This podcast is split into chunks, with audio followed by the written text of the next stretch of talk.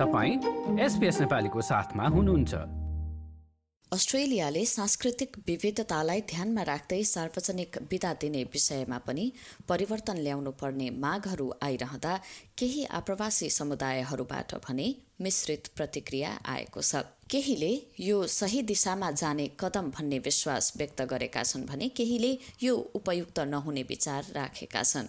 पर क्यापिटाका एक खोजकर्ता अजमन च्यु भन्छन् सरकारले प्रमुख उत्सवहरू जस्तै दीपावली तथा लुनार नयाँ वर्षलाई नयाँ सार्वजनिक विदाको दिनका रूपमा राख्नुपर्छ। It's a simple act of properly recognising Australia as a multicultural country.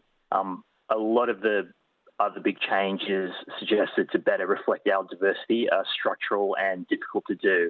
Um, but having more public holidays is a fairly straightforward way of recognising our diversity and would get a lot of public support. Lowy इन्स्टिच्युटद्वारा यसै वर्षको जनवरीमा प्रकाशित गरिएको लेखमा च्युको so प्रतिक्रिया आएको हो उनले एसियाली छिमेकीहरूको अगाडि अस्ट्रेलियाको छवि सुधार गर्न यो कदम महत्त्वपूर्ण हुने बताए Australia is a multicultural country, but often it is fairly monocultural in its institutions. Um, and that is an image that's projected to the wider region.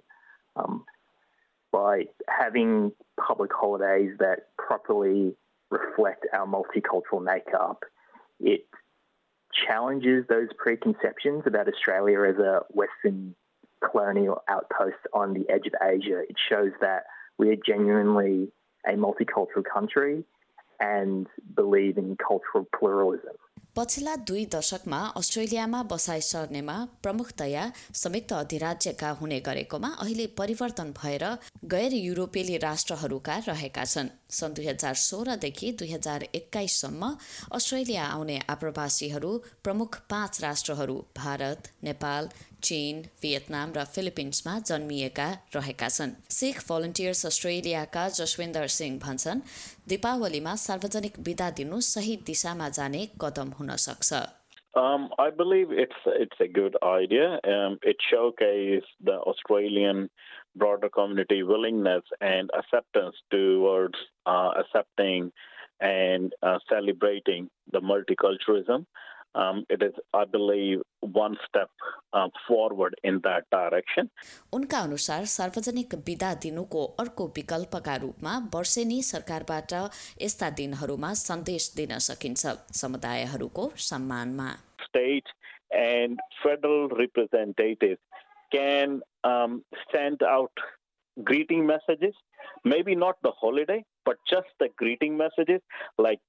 today is so and so festival, and we wish the community, those who are celebrating, um, our warm regards and something like that. That would also be considered a very good step uh, I believe, in celebrating the multiculturalism in Australia. तर सबैले सार्वजनिक विधा थप्नुलाई सही कदम भन्ने सोच्दैनन् Chinese association of भिक्टोरियाका जनसम्पर्क अधिकारी एडविन टाउन यसले समावेश नभएका समुदायहरूबाट म पनि किन छैन भन्ने प्रश्न आउन सक्ने बताउँछन् Because uh, national holiday is supposed to be uh, involved with the country's uh, special, you know, um, culture and uh, and and date. And uh, Chinese New Year not exactly an Australia uh, culture thing, rather the Chinese one. So you know it's not appropriate to grant, especially for the Chinese New Year as a public holiday in Australia, because all the other countries will say, "Why not me?"